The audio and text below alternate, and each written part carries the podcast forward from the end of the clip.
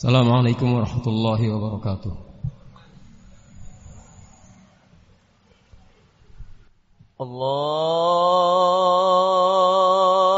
الله أكبر الله أكبر الله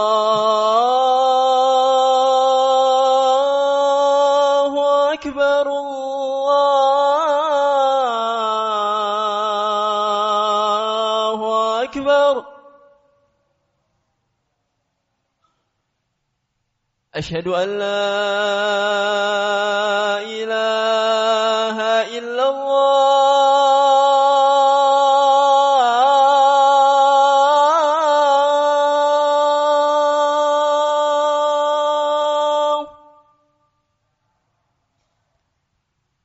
أشهد أن لا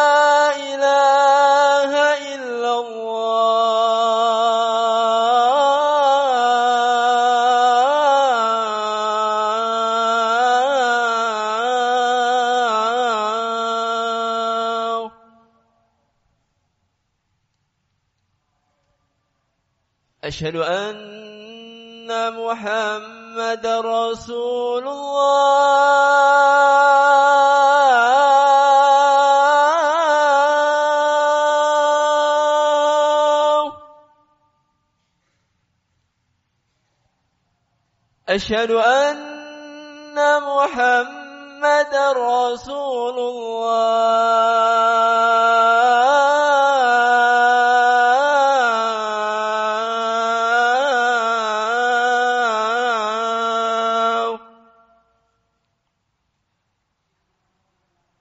حي على الصلاة.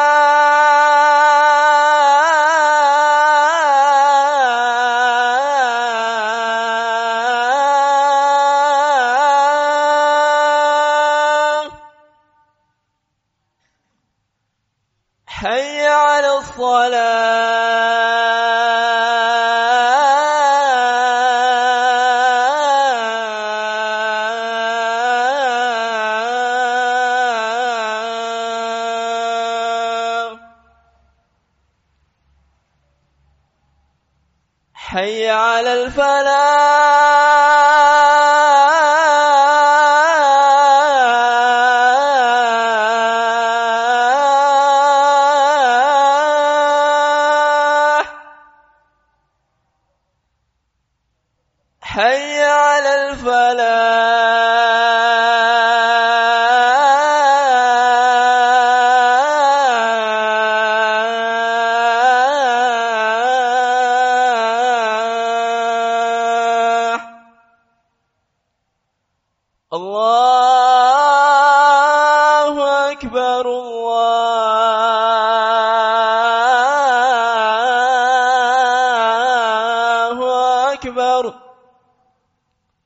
لا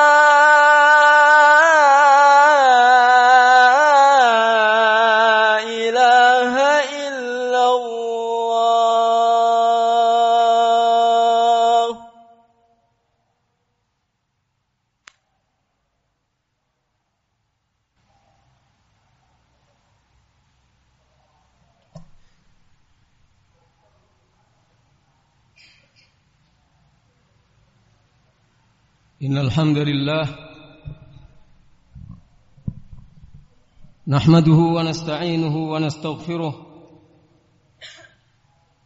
ونعوذ بالله من شرور أنفسنا ومن سيئات أعمالنا من يهده الله فلا مضل له ومن يضلل فلا هادي له أشهد أن لا إله إلا الله وحده لا شريك له وأشهد أن محمدا عبده ورسوله. يا أيها الذين آمنوا اتقوا الله حق تقاته ولا تموتن إلا وأنتم مسلمون. يا أيها الناس اتقوا ربكم الذي خلقكم من نفس واحدة وخلق منها زوجها وبث منهما رجالا كثيرا ونساء. واتقوا الله الذي تساءلون به والأرحام إن الله كان عليكم رقيبا. يا أيها الذين آمنوا اتقوا الله وقولوا قولا سديدا. يصلح لكم أعمالكم ويغفر لكم ذنوبكم. ومن يطع الله ورسوله فقد فاز فوزا عظيما. أما بعد فإن أصدق الحديث كتاب الله. وخير الهدي هدي محمد صلى الله عليه وآله وسلم وشر الأمور محدثاتها وكل محدثة بدعة وكل بدعة ضلالة وكل ضلالة في النار اللهم صل وسلم على نبينا محمد وعلى آله وصحبه أجمعين kaum muslimin yang dirahmati Allah marilah kita senantiasa meningkatkan takwa kita kepada Allah. Kita senantiasa berusaha menjadikan takwa kita semakin bermutu. Ayat-ayat yang tadi saya bacakan adalah ayat-ayat yang memerintahkan kita supaya bertakwa. Karena takwa itu adalah kunci dari kesuksesan. Takwa Berarti kita harus berhati-hati. Jangan sampai kita terjerumus dalam kesesatan di dunia ini dan kesengsaraan di akhirat nanti. Kita berhati-hati bagaimana caranya supaya kita bisa selamat, berbahagia di dunia ini maupun di akhirat nanti. Karena itu di samping Allah menegaskan kepada kita supaya kita menjalankan perintah-perintah Allah. Karena takwa artinya ketika kita berhati-hati supaya selamat dan supaya terhindar dari kesesatan dan kesengsaraan, artinya kita harus memenuhi perintah-perintah Allah. Dan artinya kita harus menjauhi larangan-larangan Allah. Banyak sekali ayat nas yang memerintahkan kita supaya mentaati perintah Allah, mentaati perintah Rasulnya Shallallahu Alaihi Wasallam. Dan banyak sekali nas yang melarang kita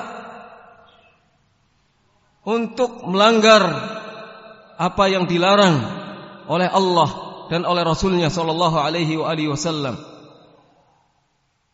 Di antaranya adalah firman Allah Subhanahu wa taala. Qul innama harrama rabbi al-fawahisha ma dhahara minha wa ma batan wal ithma wal baghya bighairi al-haqq wa an tushriku billahi ma lam yunazzil bihi sultana wa an taqulu 'ala Allahi ma la ta'lamun. Katakanlah Muhammad tidak lain Allah hanya hanyalah mengharamkan al-fawahish perbuatan-perbuatan keji perbuatan-perbuatan yang menjijikkan yang jorok. Ma dhahara minha ma batan. Yang lahir maupun yang batin. Dan Allah juga mengharamkan al-ithm perbuatan dosa secara umum. Dosa apa saja baik yang keji maupun yang bukan merupakan kekejian tapi kejahatan. Wal baghi bi ghairil haq. Dan juga mengharamkan perbuatan melampaui batas. Tidak dengan cara yang benar. Setiap perbuatan yang melampaui batas adalah perbuatan yang dilakukan tidak dengan cara yang benar. Dan ini diharamkan oleh Allah. Yang keempat wa antusriku billahi ma lam yunazzil bihi sultana Allah haramkan bila kalian mempersekutukan Allah dengan sesuatu yang itu tidak berdasarkan dalil yang itu tidak berdasarkan hujjah dari Allah Subhanahu wa taala. Yang kelima wa antaqulu 'ala Allah ma la ta'lamun. Apabila kamu berbicara atas nama Allah tanpa ilmu berbicara tentang Allah tanpa ilmu kaum muslimin yang dirahmati Allah taala dalam ayat ini di antara yang diharamkan oleh Allah adalah fawahish perbuatan keji yang menjijikkan, yang jorok dan di antaranya adalah zina. Adalah zina. Oleh karena itu Allah taala mengatakan dalam firman-Nya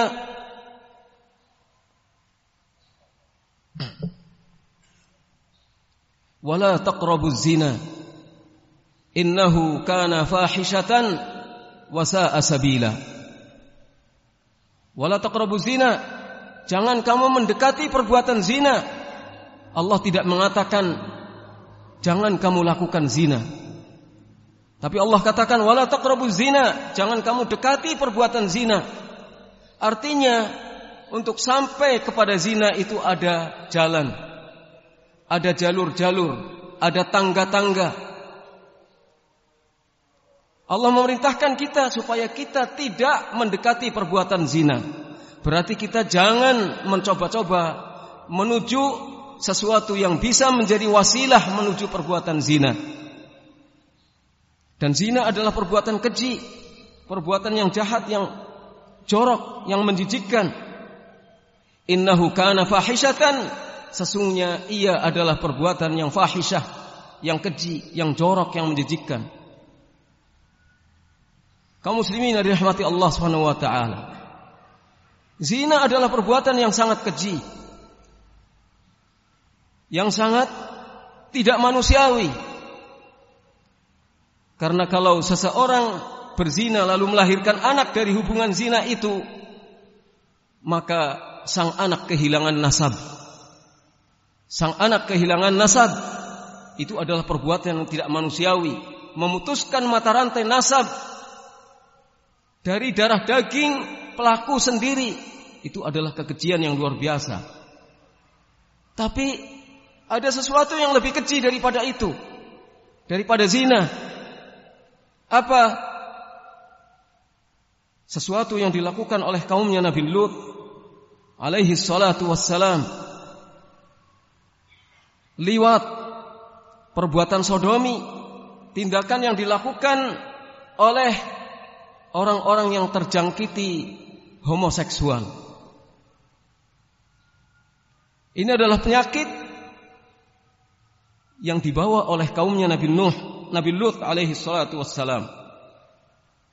Allah katakan dalam surat Al-A'raf ayat 5 ayat 84 sampai ayat ayat 80 sampai ayat 84. Walutan id qala liqaumihi atatuna al-fahishata ma sabaqakum biha min ahadin minal alamin. Ingatlah tatkala Nabiullah Lut berkata kepada kaumnya, "Atatunal fahishah? Apakah kalian melakukan perbuatan yang menjijikkan, perbuatan keji yang tidak ada seorang pun di dunia ini yang pernah melakukannya sebelummu?" Artinya apa yang dilakukan oleh kaumnya Nabi Lut yang berupa perbuatan liwat, yang berupa tindakan sodomi itu adalah perbuatan pertama pada waktu itu sebelumnya belum pernah ada. Apakah kalian melakukan tindakan yang keji seperti ini? Innakum lata'tuna rijala syahwatan min dunin nisa. Sesungguhnya kalian mendatangi laki-laki. Kalian yang laki-laki mendatangi kaum laki-laki dengan syahwat. Bukan wanita yang kalian datangi. Padahal Allah menciptakan laki-laki untuk wanita, wanita untuk laki-laki. Ini laki-laki mendatangi kaum laki-laki. Senang kepada sesama jenis homoseksual atau lesbian, perempuan dengan perempuan. Bal antum kaum musrifun. Bahkan kalian adalah orang-orang yang banyak berbuat dosa. Ketika Nabi Lut mengatakan ini kepada kaumnya, maka apa jawaban kaumnya? Wa ma kana jawab qaumihi illa an qalu akhrijuhum min qaryatikum innahum unasun yatatahharun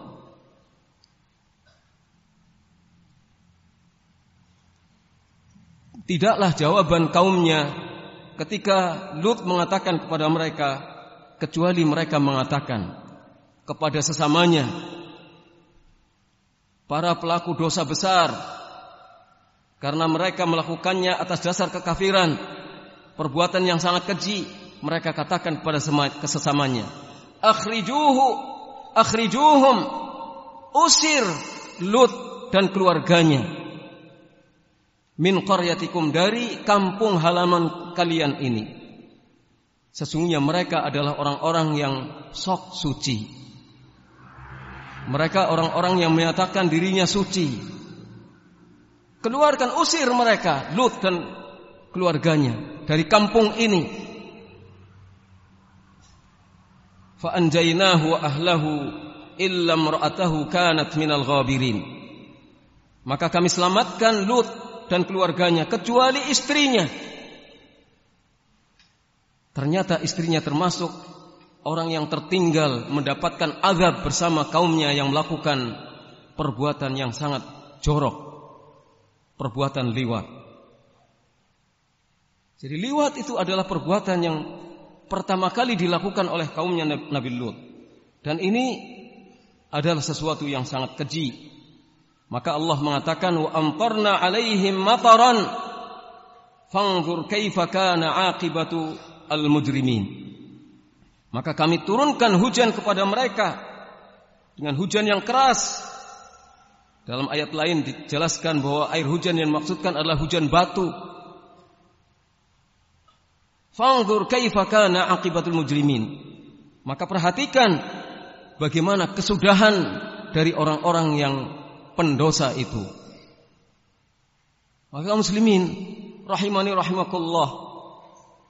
Kalau kita ingin bertakwa kepada Allah, kalau kita ingin selamat di dunia dan di akhirat, perjauhi oleh kita perbuatan-perbuatan keji.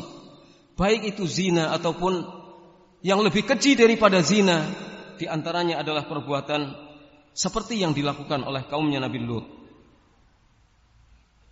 Sesungguhnya tindakan seperti yang dilakukan oleh kaumnya Nabi Lut adalah perbuatan yang luar biasa ke ke ke kejiannya. Kejahatannya adalah yang termasuk salah satu kejata, kejahatan yang paling besar, termasuk kekejian yang paling besar, termasuk dosa yang paling buruk, termasuk tindakan yang paling jorok, menjijikkan.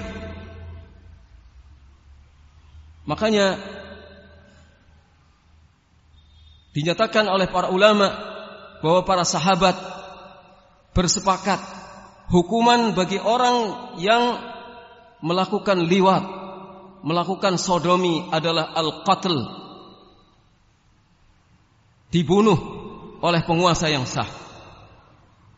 Hukumannya adalah hukuman bunuh. Dan hukuman ini dilakukan oleh penguasa yang sah. Kata Rasulullah SAW dalam hadis yang diriwayatkan oleh Imam Tirmidzi, Abu Dawud dan Ibnu Majah dari hadis Ibnu Abbas radhiyallahu anhuma wa Rasulullah SAW bersabda, "Man wajadtumuhu ya'malu 'amala qaumi Lut, faqtulul fa'ila wal maf'ul bihi." Hadis ini disahihkan oleh Syekh Al-Albani rahimahullah. Barang siapa yang kalian dapati dia melakukan tindakan seperti yang dilakukan oleh kaumnya Nabi Lut, maka bunuh si pelaku dan yang dilakukan. Bunuh yang melakukan dan yang dijadikan objek tindakan ini.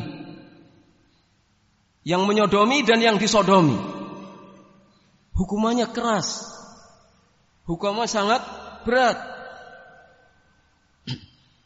Dalam hadis yang lain diriwayatkan oleh Imam Ahmad juga dari Ibnu Abbas radhiyallahu anhu radhiyallahu anhuma Rasulullah SAW bersabda la'anallah man amila amala qaumi lut. La'anallah man amila amala qaumi lut. La'anallah man amila amala qaumi lut. Allah melaknat orang yang melakukan tindakan seperti tindakan kaumnya Lut. Tiga kali Rasulullah mengulanginya. Allah melaknat ketika laknat ini datangnya dari Allah artinya dia dijauhkan dari rahmat Allah. Tidak mendapatkan hidayah. Maka sebelum kita terjerumus dalam perbuatan ini, siapa pun harus hati-hati karena dunia kita sekarang ini rentan dengan kemungkinan-kemungkinan orang terjerumus dalam perbuatan seperti ini.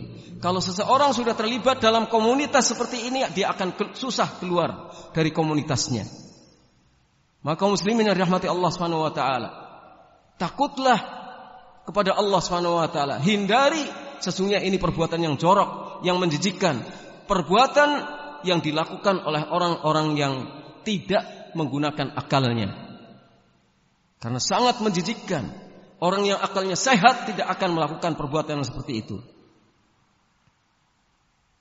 Mudah-mudahan ini menjadi pengingat bagi kita semuanya untuk senantiasa berpegang teguh kepada kitabullah dan sunnah rasulnya sallallahu alaihi wasallam. Supaya kita senantiasa bertakwa kepada Allah secara sungguh-sungguh.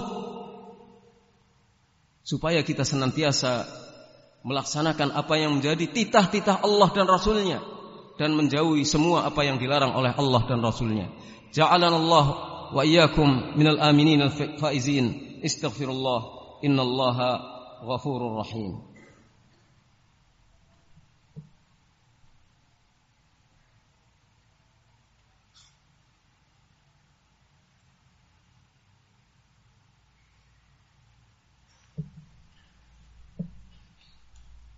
الحمد لله رب العالمين والصلاة والسلام على رسول الله وعلى آله وصحبه أجمعين أما بعد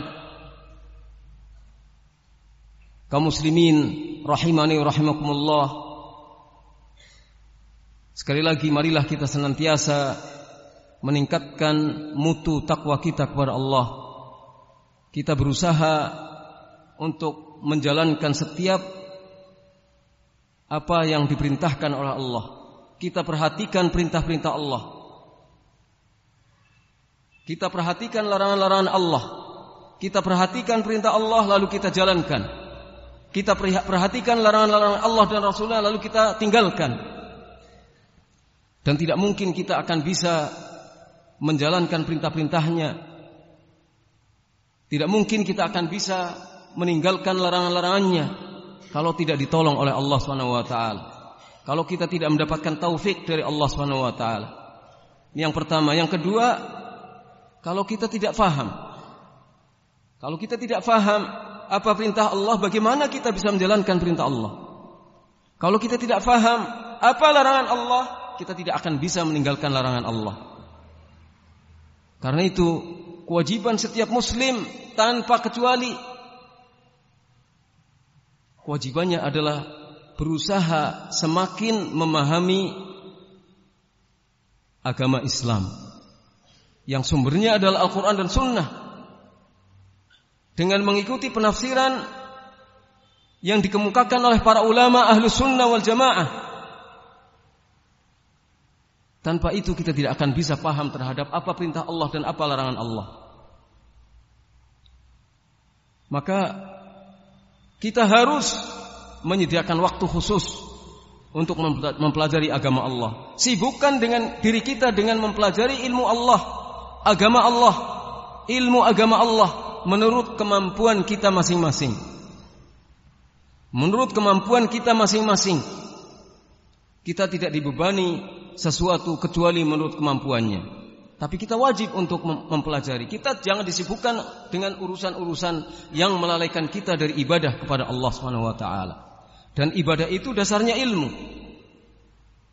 Entah dengan cara mengaji atau kalau kita mendapatkan anugerah dari Allah menjadi talibul ilmi kita manfaatkan kesempatan menjadi talibul ilmi ini karena ini anugerah yang besar dari Allah kita manfaatkan kesempatan ini untuk benar-benar kita talib ilmi penuntut ilmu bukan menuntut yang lain-lain bukan menuntut yang bukan hak kita tapi penuntut ilmu sampai ke ujung dunia.